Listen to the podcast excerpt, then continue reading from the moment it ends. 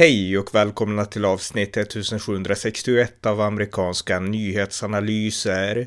En konservativ podcast med mig, Ronny Berggren, som kan stödjas på swishnummer 070-30 28 95 0. Imorgon den 3 januari 2023 så ämnar representanthuset välja en ny Speaker of the House för att efterträda Nancy Pelosi. Republikanerna vann i mellanårsvalet makten över representanthuset, men intern splittring inom partiet har gjort att Kevin McCarthy, som nu är partiets minoritetsledare, kommer att få det mycket svårt med att imorgon hålla laget samman. Här berättar jag med er, varmt välkomna. Ja, som ni vet så var det mellanårsval i USA förra året, den 8 november, och det som bestämdes där, det var vilket parti eller hur partierna ska styra kongressen, alltså makten på Kapitolium, från och med det här året. Och den nya kongressen, den 118 kongressen i ordningen i USAs historia, den kommer att tillträda och sväras in imorgon den 3 januari 2023. Och eh, resultaten i mellanårsvalen då förra året eh, gjorde att Demokraterna behåller makten över senaten, men Republikanerna vinner. De vann med, med en knapp majoritet makten över representanthuset. Så tanken inför imorgon är att Republikanerna ska ta över och tanken var att Kevin McCarthy som är Republikanernas minoritetsledare skulle ta över då som Speaker of the House och eh, efterträda då demokraten Nancy Pelosi i att styra och sätta ordningen i representanthuset representanthuset. Men det är så här att det har funnits ett internt motstånd mot Kevin McCarthy. Eh, majoriteten av det republikanska partiet, de backar honom. De hade en konferens conference i, jag tror att det var redan i november, partiet, där han fick stöd av en överväldigande majoritet av sitt parti. Så att han är den enda trovärdiga eh, eh kandidaten till att bli en ny Speaker of the House då, eftersom det är republikanerna som, som bestämmer det, eftersom de har en knapp majoritet. Men han har har mött motstånd av eh, initialt 3 till 5 olika kongressledamoter eh, Eh, och eh, nu så finns det hela nio personer som är kritiska eller åtminstone skeptiska till Kevin McCarthy som en ny eh, Speaker of the House. Och de är det av lite olika anledningar, men grundläggande så kan man säga att de är, det finns dels personliga skäl, vissa av dem har haft långa konflikter med Kevin McCarthy och Vissa av dem har börjat dragits in i att Kevin McCarthy är för liberal och att man måste ha en mycket mer eh, en tuffing som, som kan liksom attackera the swamp och eh, eh, vara hård mot demokraterna och mot Biden-administrationen. Och de tycker då inte att Kevin McCarthy håller måttet. Det ska sägas att Donald Trump, han själv har, eh, det gjorde han den 17 december tror jag, han har backat upp Kevin McCarthy som speaker. Så att Donald Trump har väl känt av hur vindarna blåser och inser att om jag inte backar Kevin McCarthy då har jag inget stöd alls egentligen. Så att han backar nu den populäraste kandidaten Alltså Kevin McCarthy, Donald Trump och det är bra att han tog det beslutet. Men det har inte hjälpt, utan de här äh, personligheterna, Matt Gates, Andy Biggs och allt, all, alla de här namnen nu på, på de som motsätter sig äh, Kevin McCarthy som, som ny speaker, de har ändå på något sätt emanerat ut ur Donald Trump-världen. Kanske inte personligen, eller Matt Gates från Florida, han är en personlig protege från, från Donald Trump då, och han motsätter sig Kevin McCarthy. Men några andra av dem, de har mer snappat på det här liksom deep state-pratet som Donald Trump populariserade och eh, de väljs ju i sina egna små distrikt och de har förmodligen valts av sådana slags väljare och då vill de hålla en tuff linje mot Kevin McCarthy som de ser som en slags Rhino från Kalifornien. Och eh, man kan väl säga att det är lite så som, som liksom motståndet mot Kevin McCarthy har utkristalliserats. Och Kevin McCarthy har försökt förhandla med, med de här motståndarna. Eh, så sent som igår så kom han med ett besked att han skulle gå med på några av de krav som har ställts. Och ett av de kraven är att om han blir vald till speaker så ska det räcka med att fem republikaner vill få bort honom från makten. Eh, då ska det hållas en ny omröstning. Så att han har, han har gått med på att försvaga sin egen maktställning om han bara vinner. Och eh, det är inte bra, därför att eh, det, det, det, innebär att det kommer att bli en svag Speaker of the House. Men han har gått med på det i alla fall. Men som det ser ut nu så är de här republikanerna som är i opposition mot honom, de är fortfarande skeptiska. De har känt vittringen av blod i vattnet och nu vill de hugga på Kevin McCarthy. Så att de flesta bedömare gör analysen att Kevin McCarthy faktiskt inte kommer, kommer att vinna. Han kommer inte att bli Speaker of the House imorgon, för då röstar alltså hela representanthuset, det är 435 platser sådär. Alla är förmodligen inte där och vissa har vacancies. Men eh, han måste vinna majoritet av dem och rent matematiskt beroende lite på ungefär hur, vilka som eh, är vacant så, så, så måste han vinna eh, 200 Eh, 18 röster tror jag att det är. Och eh, det innebär att han har råd att förlora fyra republikaner. För republikanerna nu har 200, 222 eh, eh, platser. Eh, om jag nu har räknat rätt här, jag har inte siffrorna framför mig, men om jag, om jag minns rätt eh, så har han möjlighet, alltså han kan förlora, förlora fyra republikaner och fortfarande bli vald speaker. Men problemet nu är att det är fler än fyra, det är mellan fem till nio som är skeptiska och kritiska. Vissa kanske bara kommer att lägga ner sina röster, andra kommer kanske att aktivt rösta emot. Så att eh, han har en motvind och även den här eh, concession, alltså hans tillmötesgående med de här kraven, eh, det har liksom inte, det verkar inte ha lockat över eh, Eh, så många så att liksom han skulle kunna ta en seger för given. Utan det kommer bli en fight imorgon. Och eh, risken finns då att Kevin McCarthy inte blir inröstad. Och skulle han inte bli det så vore det en katastrof för Republikanerna. Det här är första gången sedan 1923 tror jag jag läste någonstans eh, som, som det har blivit en sån här eh, att man måste ha, gör, göra om det hela och liksom verkligen arbeta för att få en ny speaker.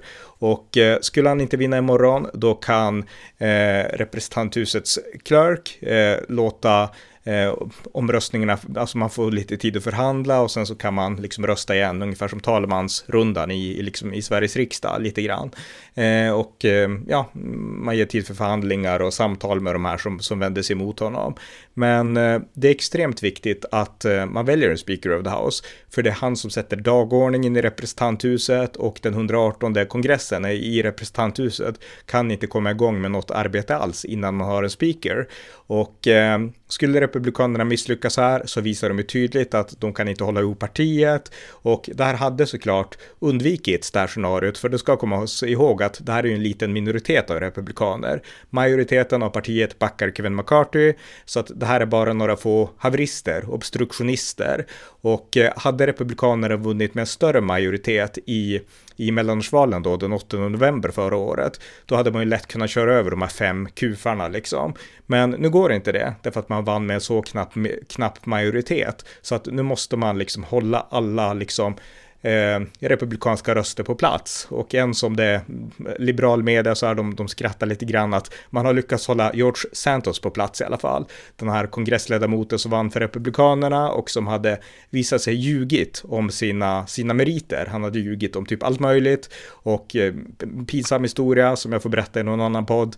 Men eh, han har lovat att rösta på Kevin McCarthy och det, man driver ganska mycket med det i liberal media. Då, så att, eh, men, men, men de här som verkligen är emot Kevin McCarthy, de har han inte lyckats få med. Så att skulle, skulle det här misslyckas imorgon så är det ett stort bakslag för Republikanerna. Eh, Newt Gingrich som var Speaker of the House för Republikanerna då, från Republikanerna ska sägas, på 1990-talet. Han eh, förklarade på Fox News att det här är ett fullständigt fiasko om de här eh, liksom obstruerar för Republikanerna imorgon. För vad man kommer göra då, det är att man spelar Demokraterna helt i händerna och man kommer inte att kunna bedriva det som konservativa anser är ett viktigt oppositionsarbete mot Joe Biden. Alltså de här som är obstruktionister, de försöker legitimera sina ageranden med att Kevin McCarthy är inte tuff nog. Men om de sätter käppar i hjulen för honom, jag menar, då kommer republikanerna inte ha någon kraft alls att kunna liksom gå emot hårt mot Biden-administrationen och mot demokraterna. Så att eh, det här är personer som egentligen bara agerar utifrån helt sina personliga anledningar och sina egna intressen. Så att det haveri, haveriverksamhet, haveristverksamhet kanske man säger, och obstruktionism. Och eh, Eh, det är inte bra för den konservativa rörelsen och jag menar, jag har pratat om det här förut. Jag tycker att Kevin McCarthy är en av de svagare republikanska speakers som jag har eh, sett egentligen. Jag tyckte att Paul Ryan, John Boehner, såklart Newt Gingrich, alla var betydligt starkare till sina personligheter än vad Kevin McCarthy är. Men han är nu den naturliga ledaren. Det spelar ingen roll vad man tyckte eller vad man skulle önska. Han är den naturliga ledaren och partiet måste falla in i linje bakom honom. De här eh, 5 till 9 personerna de har inte gjort det och det riskerar verkligen att ställa till stort kaos. Så att eh, vi får se hur det går imorgon och eh, ja, vad, vad, vad, händer om man inte blir vald? Ja, då får, då får arbetet fortsätta. Alltså det finns också en möjlighet för, såklart, för Republikanerna att hitta en kompromisskandidat, alltså en moderat republikan, som även några demokrater kan rösta på, för det är ju hela representanthuset som röstar fram en speaker, det är alltså inte bara Republikanerna. Så att i teorin så skulle Demokraterna också kunna rösta fram en speaker, alltså rösta på en republikansk kandidat, eftersom Republikanerna trots allt då har fler Alltså, de har ju en majoritet i representanthuset som Demokraterna inte kan komma ifrån. Men eh, jag tror att det kommer att ta emot väldigt mycket för Demokraterna att rösta på en republikan och de flesta bedömer att Demokraterna kommer inte att göra det. Och skulle det vara så att man hittar en kompromisskandidat som kan få även demokratiska röster så kommer det förmodligen att innebära att många, ett stort bortfall från den republikanska sidan som inte vill rösta på en demokratrepublikan om man säger så då. Så att det kommer att bli oerhört besvärligt det här om nu Kevin McCarthy inte skulle bli framröstad imorgon. Så att eh, det är det som står på spel imorgon och eh, ja, det här är en ganska unik historisk situation.